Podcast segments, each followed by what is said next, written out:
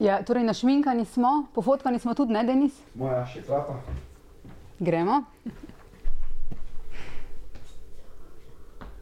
Klapa.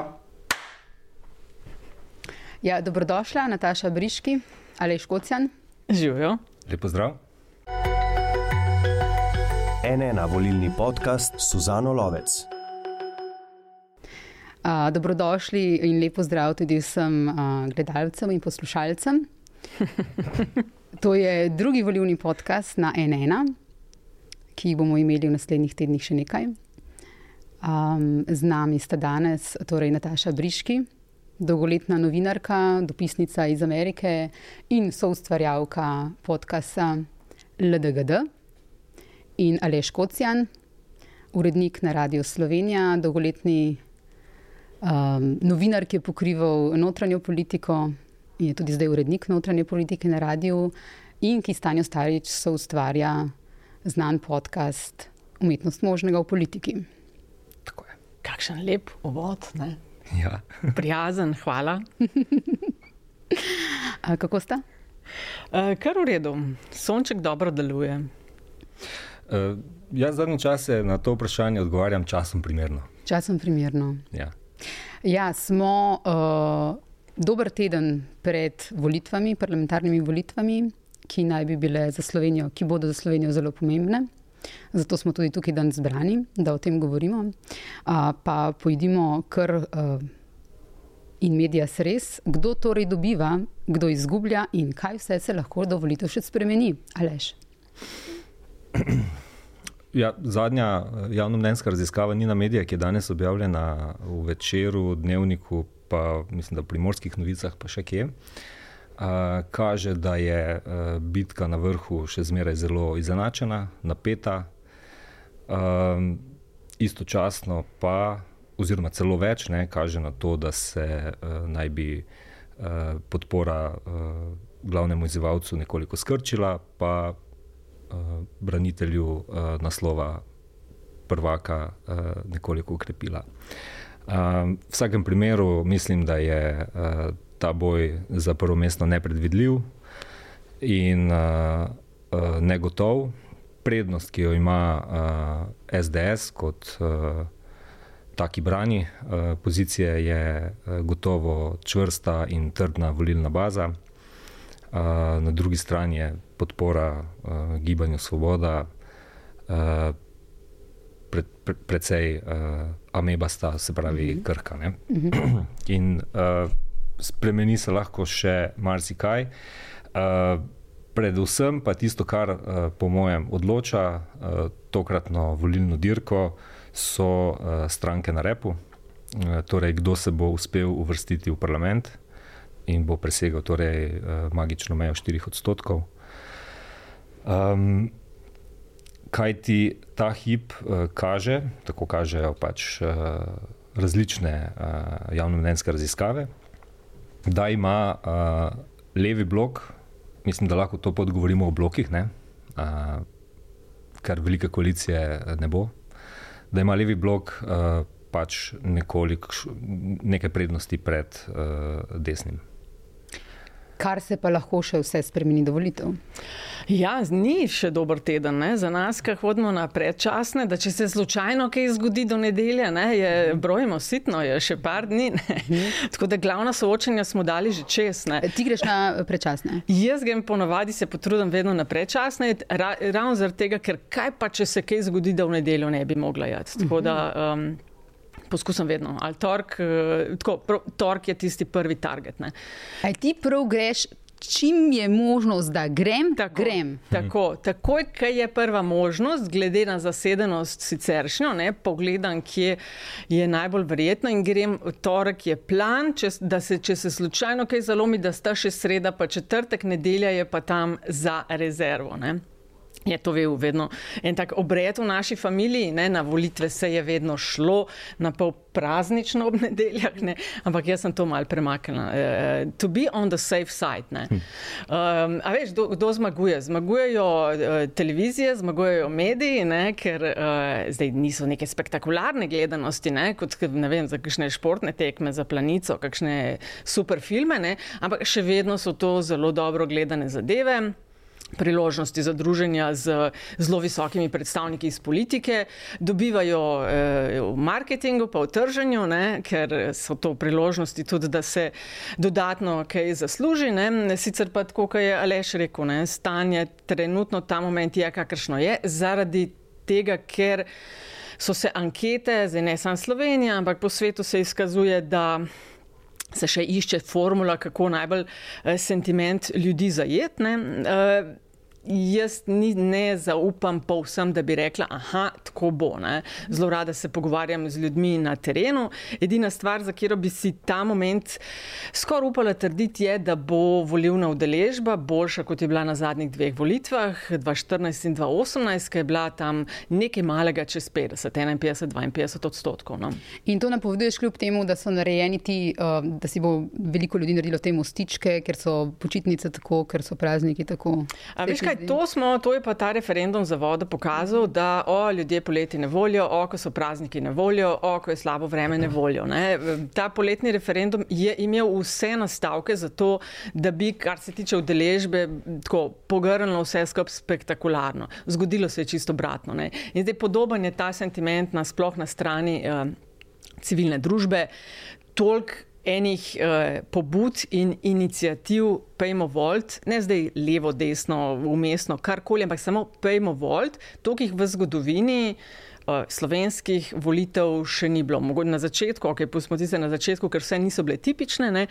ampak uh, se mi dozdeva, ja, da bi lahko zabeležili definitivno boljšo številko kot zadnji dve leti. In da se vse še lahko spremeni, ali pa marsikaj še lahko spremeni, ne? do volitev um, govorijo tudi ti podatki, to je pri uh, vaju umetnost možnega povedala direktorica Midjane, ne, da kažejo podatki, da se uh, veliko ljudi odloča v zadnjem hipu, ne, dobesedno um, zadnji dan. Ne. Ja. Nek delež manjši je takih, ki se odločajo v zadnji dan, drugače pa ne vem, kaj je rekla, 20-30 odstotkov pa v zadnjem tednu. Tako, tako. Zdaj, uh, navezal bi se na to, kar je Nataša povedala. Uh, tudi jaz mislim, da je zelo, zelo težko. Um, nekako ujeti ta uh, družbeni sentiment, razpoloženje uh, dovolj natančno, da bi lahko iz tega karkoli uh, sklepali. Seveda je bliže, kot so volitve, bolj natančni so ti uh, podatki, uh, vendar. Uh, O tem se stanje dosti krat pogovarjava. Ne? Zdi se, da mi, ki mm, spremljamo politiko od blizu, uh, jo skušamo uh, analizirati, um, ali pa rečim, recimo temu, da smo neke vrste mm. politični sladokusci, ne? -hmm. če uporabim en tak stilno zaznamovan izraz. Um, živimo v enem svojem mehurčku in ne poznamo dovolj dobro um, ljudi, ki jih pa to uh, res ne zanima. Ne? In ravno od teh je treba dobiti odgovor, uh, kako se bodo oni vedli, uh, ali pa bi se vedli, uh, v primeru, da bi bile uh, naslednji vikend volitve. In uh, to smo ravno prej malo debatirali, ne, da vprašanje, uh, koliko ljudi, ki bodo morda šli voliti, uh, zaobjameš v eni javno-mnenjski raziskavi, ker recimo nočejo uh, odgovarjati ali pa, ali pa ne želijo deliti svoje politične preference, ali pa jim je sploh škoda časa uh, 15 minut uh, zapraviti na telefonu z anketarjem. Ne. Tako da. Um, Ja, veliko stvari ne vemo. Jaz sem prav par tednov nazaj, ko smo, smo v volitvah, no, mi izgubljamo. Jaz sem zelo rada volitve, zelo rada soočenja. Jaz bi jih imela na tedenski ravni skosne. No, to bi imela, bi soočala na različne vprašanja. Tako, jaz se tega ne naveličam. Ne. In uh, pogledaš malo ven iz tega mehurčka, ne, uh, jih redki so, ki reče, o jaz pa to rad pogledam. Ne. Sem bila v enem salonu tri tedne nazaj. No, a vemo, kdaj so volitve? Ne, kdaj so že? Mhm. No, eh, naša kolegica, eh, novinarka, mm, je včeraj snimala anketo na ulicah in moram reči, ko sem si pogledala v montaži. Večina ljudi je vedela, katere volitve so, uh, ampak me je tudi presenetil delež, da Razen nekateri ne vejo, da sploh Tako. so, ne vejo, kdaj so, a 14, 24. Ja, ja, kje smo šele, da bi vedeli, kakšni so programi? Ne? Zdaj imamo milijon 700 tisoč nekaj tašnega volivnih upravičencev in upravičenk. Ne? Zdaj, ta soočenja, ne, tiste najbolj gledana imajo koliko? 200, mogoče 300 tisoč. To tako, vsak peti, šesti, mogoče da spremlja tole in to z enim očesom. Ne. Zadnji teden je drugačna zgodba. Ne. Zadnji teden se stvari postavljajo malo bolj na svoje mesto. Ne. Pa še nekaj, ne? mi, ki živimo v tem medijskem svetu, politična kasta, pa recimo eh, eh, seveda ljudje, ki kandidirajo na volitvah, mi vidimo en kup stvari kot usodne, ne? kot prelomne, kot ne vem kaj. Hočeš reči afere, kaj je kdo rekel. Ja, pa vse, kar se je recimo v zadnjih dveh letih uh, dogajalo, način vladanja, uh, uh, Ja. politično delovanje. Ja. Če ne bo tega, bomo šli ne vem Ne. kam. Ja. Ja. Uh, posegi v pravosodje, medije, zdaj da ne naštevam. hočeš ne. reči vsebinske stvari, so se Vsebinske stvari. Ne? Ja. Mi, To, česar ne bi smeli pozabiti. to, česar ne bi smeli pozabiti, kar si ti rekla, ne, uh, pa kar imate vaši kolegi rubriko ima, ko da pamti. ne. Uh, ljudje vse to seveda radi pozabijo, zato ker ne živijo v tem uh, svetu ali pa v tem mehurčku kot, kot mi. Ne. Imajo vsakodnevne uh, druge skrbi, ki zadevajo uh, vzgojo otrok, uh, uh, preživetje uh, in tako naprej. In tudi ljudje, ki re, relativno dobro živijo ne, v tej državi, vprašanje, koliko se obremenjujejo z političnimi zadevami na način, kot jih dojemamo mi v politično-medijskem uh -huh. svetu. Pa na vrtu se začenjajo opravila, pa pikniki. Ja. Mislim, zadnja briga je veliki večini ljudem uh, Ne. to, kaj vsebina, kje, kdaj. Čeprav bi moralo biti pomembno, ker Ja. bo to pomembno, kako bomo živeli naslednja štiri leta. Drži, ampak uh, družba in svet okrog nas sta vedno bolj kompleksna, Ja. vedno teže jih je razumeti. In ravno zaradi tega se mi zdi, ne, da določeni politični akteri, uh, tukaj bi kar izpostavil morda največjo vladno stranko, se mi zdi, da uh, veliko bolje razumejo publiko in njihov način razmišljanja, kot pa uh, medijski ustvarjalci ali pa politična konkurenca. In zaradi tega vidimo v političnih sporočilih zelo enostavna gesla, informacije, ki so iztrgane iz konteksta, ki so mogoče zavajajoče, manipulativne. Uh, uh, Ki targetirajo te No, volivce, ki eksperti, mi dva sva izključena. Ne? Mi dva imamo občutek. Že, že, ja. Ampak um, recimo eno uh, novinarsko medijsko sporočilo, ki skuša določeno dogajanje, situacijo kontekstualizirati Ja. uh, in razumeti, Ja. je lahko posebno drugačno od političnega sporočila na volilnem plakatu ali pa uh, enega punčlina, ki ga na Facebooku proda, bodi si na stranka. Facebooku, bodi si na kakem soočenju, na vse zadnje, -huh. uh, kak kandidat. Ne? Okay. Hočeš reči, da naš trud je včasih za manj? Ne, naš trud je pač tek na dolge proge. To je nekaj, kar nas naša mm, profesionalna etika zavezuje k temu, da delamo na, na ta način. Seveda pa ljudje laže včasih razumejo stvar, ki ni tako zelo uh, analitično ali pa uh, iz različnih uh, predstavljanj. Torej, gost, laže se z glavo zaletavati v eno drevo, kot pa uh, Videti videti gozd. cel gost. Ne? Veš kaj, Jaz ne bi rekla, da je naš trud za manj, ampak jaz sama grem veliko po terenu in izvajam različne delavnice. In kar velikokrat slišim od ljudi, je, res imajo veliko pripomp na račun medijev in novinarjev. Ne? To, da v raziskavah javnega mnenja mi ne pridobivamo, ampak padamo, je tudi konec koncev rezultat našega dela, ne? zdaj našega. Ehm, Cela scena in tudi na račun na, način, na katerega se delajo med drugim soočenja. Ne? Ja, zdaj se sam kregajo, ja, jih sprašujejo bedarije in tako dalje. Ne? Tako da je klele tudi sami moramo kar nekaj pomest pred svojim pragom. Se približati eh, ljudstvu, tudi mediji. Mislim, zdaj približati ljudstvu, da ne bo to zdaj pomenilo, a veš, to je tako vprašati ljudi, kaj bi radi gledali ali pa brali, potem so to slovenske novice. Ne? Mislim, eh, vprašati otroka, kaj bi jedel, je to pica, je to McDonald's, so to bomboni. Ne, Ne, Tega ne eh, želimo. imamo neko relevantno analizo Tako. političnega dogajanja za zadnje dve leti, ki je pomembno za vas, na kak način vam, dosta, da se potrudimo, da jim dostavimo na način, ki je In v bistvu- spoštljivo. Tako, Tako. tako. Sicer pa lahko, uh, Suzana, ti poveš, koliko so brani uh, članki, ki jih tvoje uredništvo poglobljeno, v rubriki poglobljeno pripravljate, ali pa ne vem, neki drugi mi pravimo klikohvatniki. Ne, Ja, mi se sicer trudimo na NN, da ni klikohvatnikov ali pa da jih, je, da jih ni. uh, ampak ja, razumem, kaj mi govoriš. Uh, Poglobljeno članki iz rubrike Poglobljeno um, so včasih zelo brani. Uh, ne pa toliko, kot bi si seveda želeli, ker so No, no, to vidiš, pač zelo zahtevne tematike, na zahteven način obdelane. Terja tudi A, uh, čas terjajo potrošnika čas, medijskih vsebin. a ne? Absolutno, bralca. Ja, ja. Ampak brez tega nisi resen medij. Veš, tako kot tele, televizija, brez recimo informativnega programa, zares ni televizija. Ne? To so ene od naših poskusov Tako. v preteklosti, se je videlo. Ne? To je program, ki je najbolj zahteven, to je program, ki prinaša izgubo v narekovajih, ne? ampak v celem kompletu, ne, ti pa nobena Esmeralda, nobena tekma ne, ne. more toliko kredibilnosti televiziji dati, ja. kot so resne, analitične, news, politične oddaje. Enako velja tudi za dnevno časopisje. Brez sobotnih uh, izdaj uh, ali pa recimo tudi nedeljskih, ki so lahko lahkotnejše, ampak še vedno na nekem verodostojnem nivoju, pač govorimo o zelo različnih tipih uh, časnikov. Zdaj, koliko so pa uh, brani članki v sobotnih prilogah uh, treh največjih časopisov? Seveda imajo neko kritično maso, ampak ta kritična masa bi si vsak želel, da bi bila večja. Ja, ker bi bili potem ljudje je tudi bolj osveščeni. eh, tako, tako, imeli bi bolj ozaveščene torej, bralce in s tem tudi voljivce, in ja. bi bilo stanje bolj idealno. Ampak ja, naš poglobljeno je tako kot neka sobotna priloga. Ja, in Tako, točno, zato za, točno za to gre. to omenil, ja. Točno za to gre.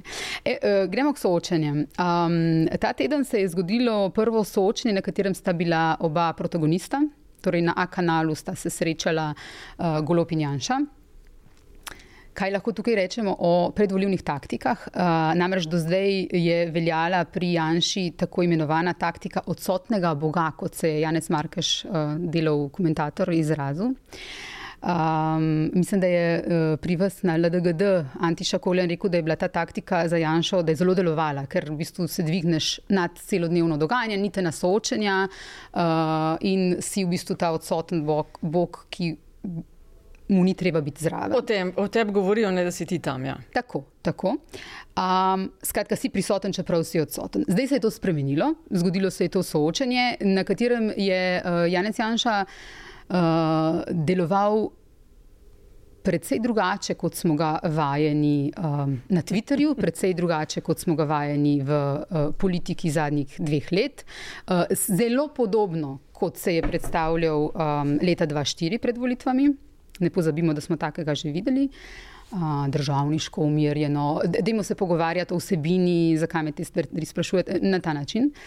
Um, in me zanima, ali ta taktika deluje. Torej, ta shift iz taktike odsotnega Boga v nekoga, ki na soočenju um, na tak način uh, funkcionira. Moram sicer povedati, da je bil uh, na enem drugem soočenju um, povsem drugačen, torej na soočenju, ki sta ga prenašala Planet in Nova 24. Tam je bil ta teden stari Janša, pač ta Janša, bolj podoben Janši, ki ga poznamo z Twitterja. Um, torej, verjetno nagovarja tukaj pri različnih uh, soočenjih, pri različnih publikah, različne publike in je to del strategije. Um, jaz, če bi bila njegova svetovalka ali pa svetovalka kateremu koli premijeju oziroma premijejki, bi izbrala podobno taktiko. Uh -huh.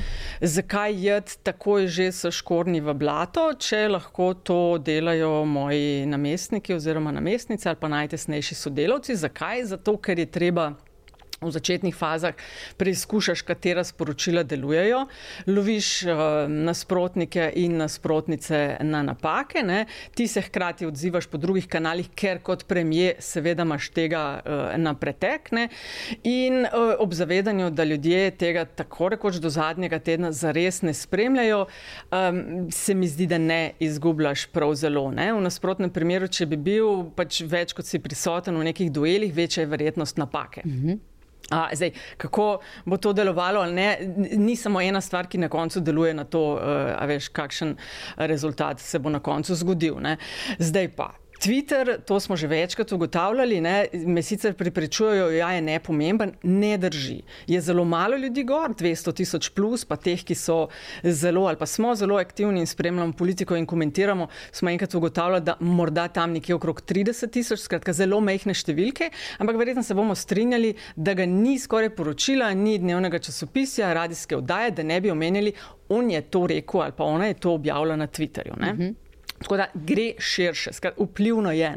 je eh, on, je na, on je na Twitterju, eh, računajo tisto Twito Marshall, kaj že tisto, računajo koliko časa je. Je predsednik vlade na Twitterju? To so ja. glede na količino tweetov, ki jih je 100-150 dnevno z retweeti vred, v urah meri. Zdaj, -hmm. kdor od nas je na družbenih omrežjih, ve, koliko traja, da napišeš, razmisliš, pogledaš zaslovnične napake, dodaš linke, tega še in podobno. To je velik čas. Sicer mislim, mislim, da to uh, absolutno tega ne dela sam, ne? ampak tam je tako. Na pol zverinsko komunicirajo. Ne. Eh, ko gre pred televizijo, ne, to so pa sto tisoči ljudi, je pa drugačen, ker seveda običajni ljudje, poprečen voljivci in voljivka, nista na Twitterju. Sta pa na televiziji, poslušate radio in sem pa tja, kdo vzame časopis. Ne. Na televiziji je on takšen, kot je bil 2-4, državnik, merjen vsebinski. Ampak ja. na planet Nova 24 Tega pa nisem gledala, Ni moram reči, tega pa nisem gledala, tako da to pa težko komentiram. Ali še nekaj si želel? Ja, da so tviti včasih taki, kot ne zgleda, kot da se dosti razmišlja. No. Uh, ampak verjamem pa, da če res vse sam potvita, se preveč kot predsednik vlade s tem uh, ukvarja, ker mislim, da ima predsednik vlade, ki verjamem, da ima 12 in več urni delovnik uh, dnevno. Um, Skratka, ja. po mojem, preveč tvitano. Kakorkoli. Ja. Uh, um, strategije, strategija, taktike. Ja. Zdaj, uh, jaz sem gledal tudi samo tisto soočenje na A-kanalu. Uh mhm. -huh. Uh, če bi jaz bil na njegovem mestu, uh, bi absolutno tudi izbiral uh, samo soočenja, kjer se bomo pogovarjali o prihodnosti.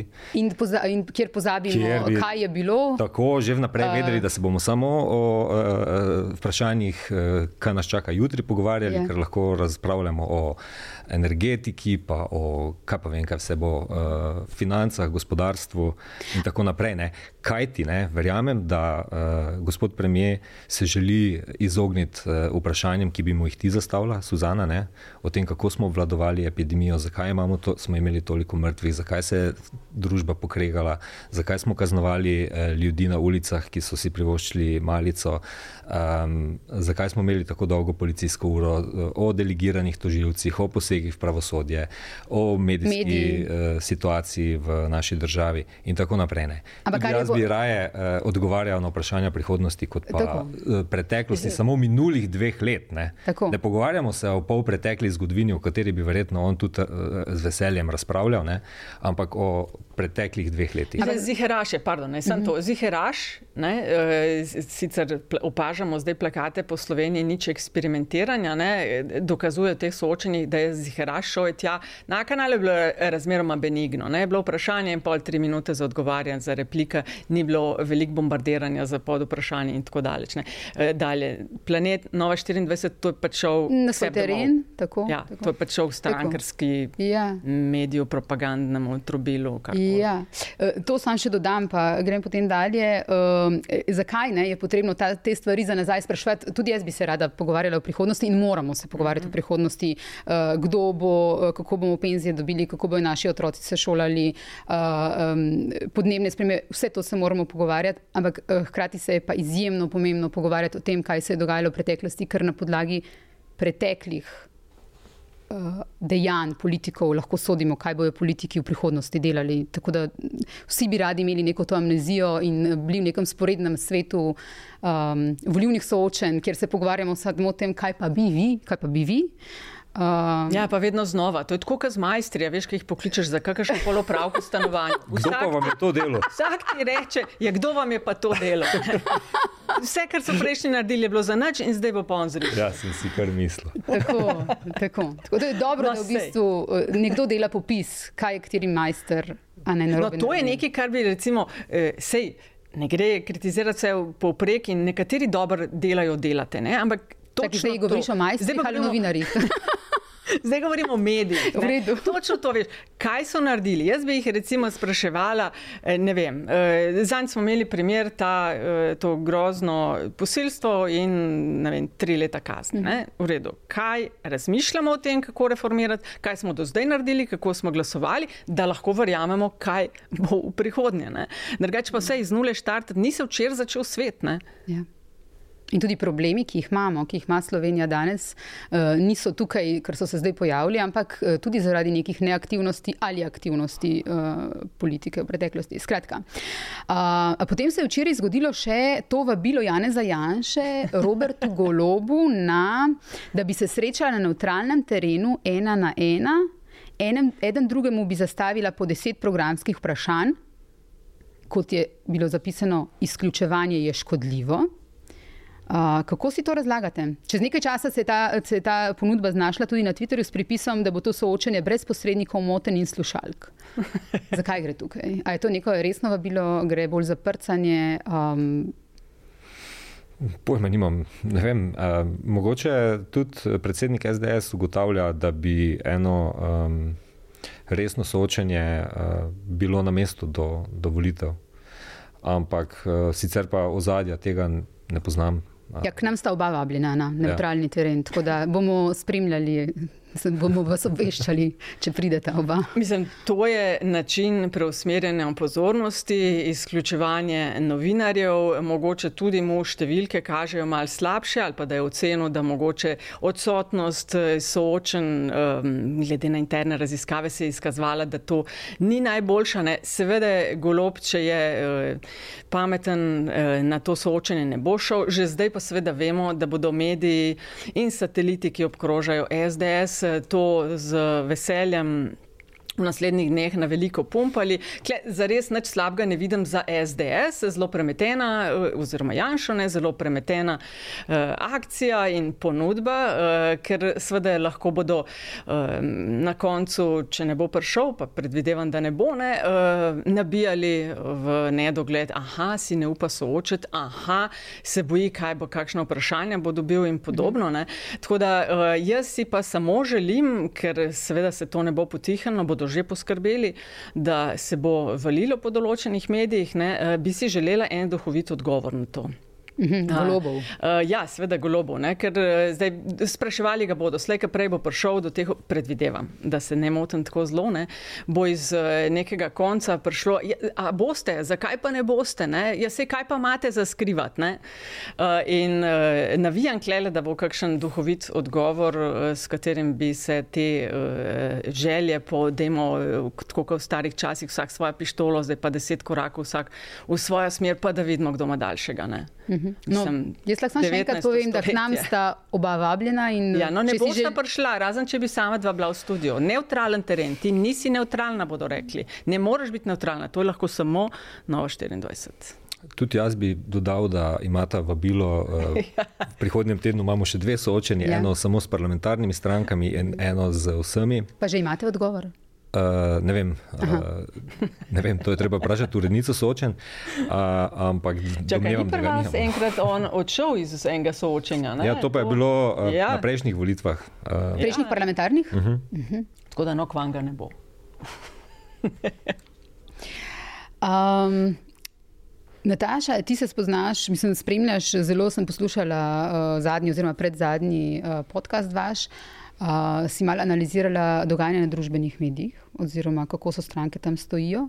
Uh, tukaj pa SDS uh, dobro igra, bi rekla, da je njena Mislim, taktika. Oni so, veš, oni imajo to, oni so že vrsto let tam prisotni, ne? to ni tisto, o, oh, danes smo odkrili družbena omrežja in uh, jutri bodo delala za nas, ne bodo. Družbena omrežja so tek na dolge proge, da ti pridobiš tisoče in tisoče sledilcev, uh, to traja leta. Res, da se je v njihovih primerjih uh, v nekem momentu so te številke mal poskočile, pa kadaš v tisto analitično orodje, koliko je fake sledilcev ne? in teh raznih iz troll farm ali pa celo mogoče kupljenih cepljenih, ne, se je izkazalo pri Janši, da je ta odstotek ogromen. Ne. Zdaj, če imaš ti, mislim, da tam nekje. Vedno imaš neke agencijske in, in te prazna jajca, ki se ti uh, nalimajo na tvoj profil. Ampak, če si tam nekje 80 plus odstotkih, si kar v redu. Ne? Mislim, da je bilo to pri Janši nekje pod polovico. Ne? Se pravi, pri tistih vem, 50, 60, 70 tisoč uh, sledilcih, polovica uh, takšnih se je izkazalo, da uh, bi lahko tudi iz kakšne kleti prišli. Uh, oni so tam prisotni in ta kanal izkoriščajo res intenzivno, velikrat seveda gre za uh, konverzacije znotraj lastnih mehurčkov, ne? ampak ker dovolj pluskajo in uh, delajo valove s tem, se to začne potem valiti tudi v večjih medijih, kar je eh, seveda cilj, plus na družbenih omrežjih imaš seveda možnost, da. Um, svoje, poveš, brez da te kdo moti, da te kdo krajša in podobno. Ne, to je na volitvah 2016, recimo, eh, njihov vzornik Donald Trump delal eh, zelo dobro, ne, eh, pač preskočil te medije, New York Times, Wall Street Journal in podobne za milijonskimi nakladami. On je na koncu imel 80 milijonov sledilcev na Twitterju. Karkoli je rekel, so pač kolegi ob 4 zjutraj začenjali službami, da so lahko polovili vse, kar mu je uspelo čez dan potvitati. Tako da oni so kle zelo intenzivni. No, nisem zdaj jaz delala analize, to moram povedati, par orodje, ki so na voljo um, enega, recimo, dela pač clipping DO, uh, spremljajo oziroma seštevajo, koliko ima kdo sledilcev. Ne, mhm. recimo, um, Ker se pogosto sliši tudi, da spet bo uh, prvako SNS uspel, ne, ne samo da pomagajo soočenju. Mislim, da je on na Facebooku uh, daleč pred ostalimi. Zmago je tudi. Ja, uh mhm. -huh. daleč pred ostalimi, medtem ko Twitter in Instagram sta pa kar uh, v, v domeni no, uh, Janša, da ima on tam največ uh, sledilcev. TikTok se očitno zelo prebuja. Ne? TikTok se prebuja, ampak mislim, da, ja, da je težko o njemu, kot to zelo relevantno za te volitve še govoriti govorimo. Okay. Tukaj imam uh, vprašanje uh, našega poslušalca, gledalca, oh. sicer pa novinarja športkluba Andreja Klemenca, ki je rekel, da če lahko vprašam. Um, Za koga navijava? Ne, ne. Za Ronalda. Aha, ne, ni to spraševal, naredil je. Sploh okay. po zadnji potezi ne. Pa me vprašal, pa ne, dobro, za koga pa tak navijaš v Ligi prvakov? Mi smo trikrat že igrali v Ligi prvakov. Poglej, to kakšni predsotki. Rečem, da je ja. športni novinar in vidva takoj v nogometu. Ja, mislim, lej, to je največji odstotek je temu namenjenega. Ampak, Ampak za Mari bolj iskreno navijam. No? Pri politiki za nikogar ne navijam. Pohvalno. Um, ne, Klement sprašuje, um, da opazuje tudi to dogajanje na družbenih omrežjih uh, in ali je recimo rezanje kebaba, tukaj se referira na Marjana Šarca, na TikToku, uh, ali to res dela recimo politik zato, da se približa populaciji, ali je to nek legitimen poskus ali bolj poskus izobupa. Kaj mislite? Pojma nimam, ne? kako se bo šarcu ta kebab eh, obrestoval. Ja. Ampak ne, spomnimo se tiste predsedniške kampanje, ko je uh, predsednik Pahor uh, takrat je prvič nastopil ne, na volitvah, bil, bil kandida, ja. proti kandidatu uh mhm. -huh. Danilo Tirk. Uh mhm. -huh. In Danilo Tirk je imel plakate. Ja. Pol, mislim, da je uprizoril tudi en zelo ponesrečen tekst skozi Tivoli. Medtem ko kaj pa je delo Pahor, Pahor je pa vse delo, od tega, da je šival nogavice, ja. do tega, da je smeti pobiral. Uh, skratka, en kup poklicov frizerjev, bil tudi nekaj, ki si ti omenjala, frizeraj prej. E, e, celo tu na financah je delal, v marketingu pa še en članek je napisal. Ja. Uh, to je to, kar mi pade na pamet. In veste kaj? Verjamem, da z gospemi, ki je šival nogavice, je vsaka rekla, kako je bil fajn, pa prijazen, pa nič ni zvišen, to doma razlagala naprej, potem je kolegica naprej razlagala. Skratka, njegova kampanja je šla od ust do ust. Um, in se mi je zdela v tistem trenutku res učinkovita. Uh, več je naredil z temi uh, druženji z ljudmi pri njihovih poklicih, kot pa uh, proti kandidat, ki je nastopal na plakatih, pa soočenih, pa bil kao, uh, resen, pa fin človek. Uh, Uh, pri žarcu ne bi znal oceniti, ali bo kebab kaj prinesel, ampak hočem pa povedati to, da je tista kampanja bila, po mojem, res uh, dobra. No? Uh mhm. -huh. Mislim, jaz mislim, da mu definitivno odnesel ni nič. Ne? TikTok je zaenkrat še precej nerelevantna platforma za, za kakršne koli eh, vplive, da bi jaz rekla, o, moja mama je pa videla to, ne? se to pač še ne bo zgodilo. Um, mi opažam na, v tem ciklu volitev, da se začenjamo eh, bolj poistovetiti in ponotraniti to, da se je treba približati ljudem. -huh. Pa Ja, ja. Točno, oprosti, točno to sem hotel povedati, ne, pri, ko sem menjal Pahorja. Vse mi smo se vsi zabavali, pa norca delali iz tega, gre, zdaj pa se gre frizerja. Ti si ta naš mehurček. Za pa, za pa, za pa štuca živo mejo. Ja. Yeah. Ampak ka- kako so pa to ljudje naprej nesli, Ja. yeah. s katerimi je on to uh, Kaj? počel? Povej. Štuca živo mejo. Ne. no, ampak, eh, ko si omenil prešivanje štumfov, če bi eno stvar eh, eh, se mogla referirati, tako je asociacija na tisto kampanjo od Pahorja, so meni tudi nogavice najprej prišle v spomin. No, ampak on je to pokazal. Zdaj, Marjan Šarec je tudi zelo dober v tem. Ne? On je velik nastopil, on to zna. Pri Pahorju je to super delovalo, so ga ljudje videli kot avtentičnega. Verjamem, da je enako tudi pri Marjanu Šarcu. Zdaj ne predstavljam si, da ne bi leseno in popolnoma neumno zgledal, pa če bi to delal uh, bodi si Janša, če bi to delal, si predstavljamo Danila Tirka, da bi se kaj takšnega šel. Ne? Mm -hmm. Ne samo, da tega ne bi znal dobro delati, še škodil bi mu. Ne? Tako da opažati je to mal amerikanizacijo eh, politične kampanje, da grejo več med ljudi, seveda vzame to je dražje, vzame več časa, ne cenejše je zakupiti oglase na Facebooku ali pa te velike plakate, ampak se je izkazalo, da to več ne deluje. Ne? Ne. Recimo, veš, te obiski v eh, domu starejših občanov, ne? zadnji sem se pogovarjala z eh, starejšimi občani iz doma v Ribnici, ki jih je obiskal minister za delo, ne? Cigler Kralj. In eh, kaj sem slišala, meni se seveda zdijo to čist popolnoma legitimni obiski, pač hodiš, tudi tam so voljivci in voljivke. Ne? In eh, kar, ja, veš, zelo prijeten, prijazen gospod, eh, a veš, da je z nami skupaj pel, pa vsak mu je dal roko. Tako, in To je to, kampanja kar- gre potem po ustnem izročilu naprej. Ne? ne to, kar vidimo mi po televiziji, po spletu, po Facebooku, pač po nekih plakatih, ampak gre, ljudje potem delajo naprej. Bil je prijazen, bil je prijeten, dal nam je roko, prepevajo z To nami. si ljudje Kuhal je. zapomnijo. Ne?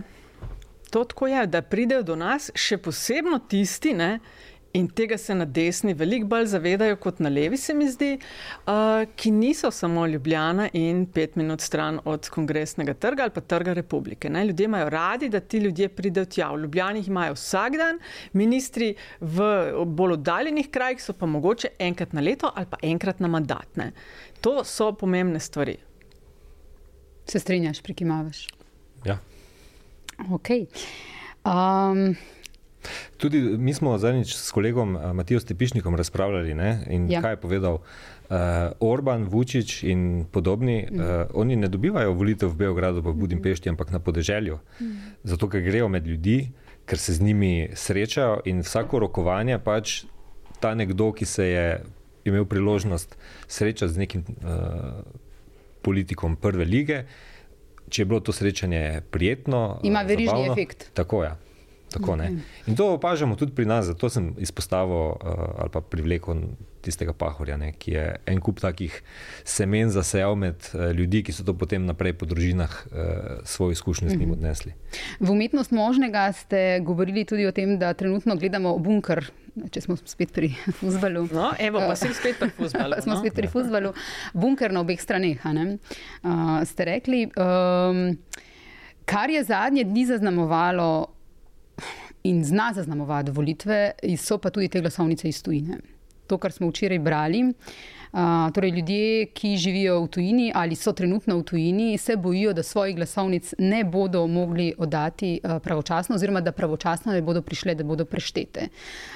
In tudi uh, izjave iz Državne volilne komisije včeraj so bile zelo jasne, da, da lahko se to zgodi. ne. Uh, Matjaža Grudna sem prebrala včeraj uh, na Twitterju in on je zelo oster, pravi, v tujini živim 30 letja, praviloma glasujem po pošti in nikoli ni bilo težav za mojne glasovnic, tokrat pa je zamujal zaradi prekratkih zakonskih rokov, pravi DVK. Zanima me, kdaj in zakaj so se ti roki skrajšali in kdo je odgovoren za kršitev mojih ustavnih pravic. Nisem pristaš teorije zarote, zato ne bom brez dokazov govoril o naklepnem potencialnem onemogočanju glasovanja precejšnjega števila državljanov. Mislim, da samo v Evropi gre za 80 tisoč ljudi, um, po celem svetu pa mislim, da okrog 100. Uh, ampak on pravi, primerjava s Francijo, kjer živim, je vendarle zaskrbljujoča. O možnosti, da bi pri volitvah v Franciji prišlo do množičnega zamujanja pošiljanja volivnega gradiva, si ni mogoče predstavljati. Šlo bi za velik politični škandal, ki ne bi ostal brez posledic. Um, tako da um, kako močno lahko to, če bojo ljudje, ki si zdaj zelo želijo voliti, se mi zdi, da od tega referenduma o vodi dalje, je to, da lahko bolj je postalo to zavedanje, da moj glas šteje, se mi zdi. Bolj kot kadarkoli od uh, plebiscita dalje. No. Pač plebiscit je bil tak, pa zdaj ta referendum o vodi, in zdaj so te volitve za mnoge izjemno pomembne. In uh, kaj, se bo, kaj se lahko zgodi, če uh, bodo ljudje dvomili, da je bil njihov glas štet. Namreč glasovnice šele zdaj prihajajo uh, do ljudi v tujini, um, nekaterih še niso dobili. In ker so vmes prazniki v Sloveniji, v nekaterih državah pa še drugi prazniki, in ker ne delajo vse pošte enako, torej obstaja realna možnost, da volja nekaterih ne bo upoštevana. Uh, Anja Golop je, mislim, da pisala DVK-ju in um, pravi, da, ji, da so ji z DVK odgovorili. Um, da uh, se to ali uh, se podaljša rok, dokdaj lahko pridejo, da, da je to mora nasloviti na zakonodajalce, skratka, da DVK o tem ne more odločati. Uh, je lahko to težava v prihodnih tednih? Uh, nezaslišano se mi zdi, če se to bo to res zgodilo. Uh, samo podpišem lahko, kar je uh, Matjaš Gruden zapisal. Ne? Ni jedrska znanost te glasovnice poslati. Mm -hmm. To smo naredili že osemkrat v zgodovini Slovenije, to do Slovenije, to so, oziroma večkrat, če štejemo še, še predsedniške volitve. Ne. To so zdaj devete parlamentarne po vrsti. Meni se to zdi nezaslišano, um, težko pravno ozadje in uh, kaj se okrog tega lahko zgodi, da bi si mislila, da bi te številke, seveda vsak glas, ki ne bo štet, je škandal in kriminal in mora biti ustrezno preiskan, če se bo uh, to res zgodilo. Ne? Da bi si mislila, da, bo pa, da bodo pa ti glasovi odločali ali pa prevagali, kdo bo zmagal ali kdo ne, vsem to niso ogromne številke. Če sem prav si zapomnila, ko je bila težava za te v Rusiji, je eh, predsednik DVK ali vodja DVK Vučko rekel, da je na koncu 14 ljudi glasovalo tam. Eh, mislim, absolutno morajo imeti možnost, da to pravico mhm. uveljavljajo. Skratka, ni sploh nobene debate okrog tega, da bi si pa mislila, da. Um, bi ti glasovi, da bo od teh glasov odvisno, kdo bo zmagal ali kdo ne, si predstavljam, da lahko na obe strani približno enako vpliva, ne? ker imajo desni, recimo na enem koncu sveta, malo več mogoče v narekovaju mm. svojih, v kakšnih drugih delih sveta, kdo drug. Uh, Ampak, gledaj, številke niso majhne, namreč to so podatki DVK-ja, ki so očitno odgovarjali. Kar so odgovarjali uh, Ani Golop, gre za več kot 8, 83 tisoč 800 glasovnic v EU. Ne, se pravi, škandal, če bodo kakršne koli težave s tem. Ne vem, koliko gre za dvigovanje prahu v tem primeru na zalogo. Ne. Mhm. Škandal pa, če v torek, ko bodo se začele predčasno, oziroma ne vem čisto točno, koliko imajo možnosti v zvezi s tem v tujini, vsekakor pa imajo ob nedeljah odprte uh, pač volivna mesta, kjer to lahko narediš. Ne. Škandal brez primere in je treba zagnati urang. Če katerikoli glas tako, ne bo štet. Tako. Ja, jaz tudi k temu nimam kaj dodati. Ne. Mislim, da bi te stvari morale biti dovolj uh, dobro preštudirane pred volitvami. In, da se ne bi spraševali en teden pred volitvami, ali bodo prišle ali da ne bodo ja. prišle. Mislim, da se jih ne pelemo s kočijami, pa s konji. Pa, pa tudi ne delamo tega prvič, niti tretjič. Ne, toč, točno to. Ne. Točno to. Ja. In vedeli smo, da so prazniki. Vedeli, datum poznamo že nekaj časa. Ne, ja. Uh, še eno stvar bi omenili na hitro. Uh, humor. Že 35 minut. Verjetno je. humor. Sta opazila, da se je v zadnjih dneh razvila uh, na družbenih omrežjih veliko nekega humorja iz teh. Um, iz kampanja, da, da zdaj obstaja prav na podlagi um, plakatov. SDS eh, plakatov, eh, gradimo Slovenijo, se je zdaj prav generator, da lahko vsak mm -hmm. naredi svoj plakat. Um, tako da, kako pomembno pa je, ko že govorimo o družbenih omrežjih. Uh, tudi ta pristop s humorjem, to, na kar se v bistvu ali civilna družba, ali sami državljani, ali pa druge politične stranke ne na zadnje odzivajo. Ja, mislim, men, kar se mene tiče, je to zelo pomembno, oziroma lahko zelo koristno, če je dobro narejeno. Ne? Okay. Zdaj ne govorimo o humorju tipa, ne vem, Mujo Haso, eh, ne, pa kdo bo koga bolj lopno ali pa manj lopno, ne? uh, kakšne neokusne šale in podobno, ampak govorimo o res inteligentnem humorju. Ne? Ja, jaz sem ga uh, tudi opazila, ga pa manj, manj vidim. Na strani civilne družbe je tega res veliko in yeah. Ja. je kapo dol. Različnim organizacijam, NVO-jem in civilni družbi, ker to, kar gledamo vsaj zadnje leto, Konec koncev tudi uh, protesti, ki se že dve leti skupaj dogajajo, uh, vsa to, kako se je civilna družba zbudila. Veš, jaz sem bila pred dobrimi desetimi leti del enega projekta, ki smo mu um, uh, rekli za odpiranje prostorov svobode. Ne? Takrat smo pozivali civilno družbo ali pa so bile naše aktivnosti usmerjene v to, da treba se zbuditi. Aktivni državljani moramo biti in državljanke, če želimo skupaj moramo ustvarjati družbo, v kateri živimo, če mhm. želimo, da bo boljša prepustimo, tako kot smo na začetku uh, tega podcasta ugotavljali, ne, kako so ljudje rezignirani in, in uh, jih ne zanima in se oddaljujejo, to ni dobro za vse nas, to je samo slabše za vse nas. Ne. Ker je na koncu peščica tista, ki odloča v naši usodi. Ne? Tako da meni ena, ena res najboljših eh, stvari v tem ciklusu je to, kar dela civilna družba. Od pozivov na volitve, z eh, katere koli strani, od aktivacije, eh, od tega, da naslavljajo stranke in zahtevajo od njih eh, odgovore. Ne? In pošiljajo vprašanja. Pošiljajo vprašanja in organizirajo celo soočanja. Ne? Ampak strankam nekaterim to ni všeč, ne? da se civilna družba sprašuje, da se ja, angažira, ker imamo volitvam. Ker imamo pravo civilno, pa ne pravo. Ja, tukaj imamo sprave strokovnjake, pa ne prave, pa prave fakultete, pa ne prave. Leva civilna družba je bolj množična kot pa ja, na drugi strani to... zbor za republiko, pa kaj ja, prava ja, svobode. Ja, ja, tako. To večinoma iz stranke, nekaj si prej omenjala, to pobudo za soočanje z golobom, brez izključevanja, mislim, da je pisala v tistem yeah. tvitu. Ne? To od stranke in gospoda, ki gradi svojo politiko na izključevanju, drugačnih, drugače mislečih, ki uh, se, se močno napada vse, ki kritizirajo bodi si stranko, bodi si voditelja in tako dalje. Uh, tako da poklon, ja, sam to bi rekla, res poklon za to, kar delajo. Če bo više odeležba, bo to posledica res aktivacije civilne družbe, ki prepoznava, da moramo biti aktivni državljani in državljanke. In velik del tukaj, kar se mene tiče, res igrajo mladi. Na, jaz na terenu velikrat slišim, ko se pogovarjam z ljudmi, o od mladih bo odvisno. Ne.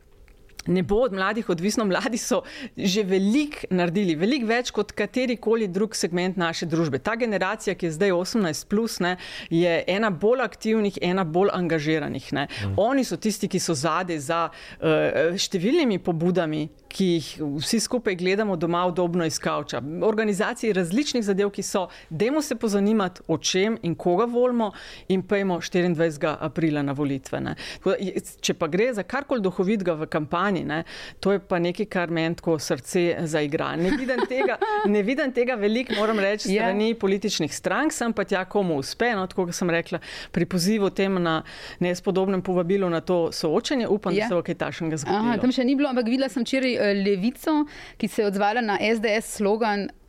Ta homofobni slogan, uh, oče je moški, Aha. mama je ženska. Ja. In sem potem videla, da so oni naredili svojo uh, parolo, uh, uh, oče je moški, mama je ženska, kruh je 2,49 evrov. Ja, ta jim je lepo ratala. Ta jim je lepo ratala? Se mi zdi, ja. ja mislim, da, Mislim, na tak način naslavljanje. To je to, kar govorimo o, govorimo o problemih, o izzivih, kje bomo čez 10-20 let. Tisto, kar nas res lahko skrbi, ne, ne pa izključevanju naši, vaši. Zdaj, ta lucidnost v odzivanju na politična sporočila se res pojavlja vedno bolj uperjena proti eh, desnim ali pa desno-sredinskim strankam. Ampak ravno zato, ker oni v svojih sloganih recimo zdaj konkretno na teh plakatih, ki se zdaj pojavlja, fora, stvari zelo poenostavljajo ne, in trgajo iz konteksta ali si jih pa prislužijo prisvajajo zasluge, ki niso neposredno zasluge stranke. A rezultate imaš v mislih. Tako ne. In zdaj sem videl res en kup dobrih štosov na to, kaj vse bodo še zgradili. Ne? Od no, Srbine niti... na Marsu do uh, Šegecovega žara v Mariboru, to je en sindikalist.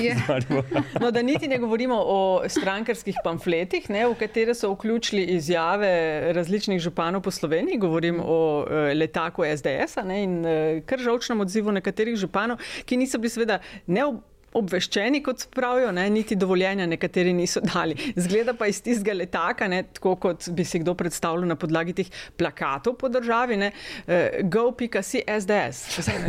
Na plakatih so župani izvedeli, kaj jim je SDS zgradilo v občini. Razumem, ja. Uh, skratka, uh, pred zadnji teden, pred volitvami bi lahko rekli. Um, Ja, ja, ne, drugače pa prej, kot smo, ker Nataša omenjala civilno družbo, aktivacijo, ja. no, mogoče bi k temu dodal, da Res me zanima, no, kakšna bo udeležba, če bo to kaj uh, imelo kak učinek, tako kot ga je imelo na um, referendumu o vodah.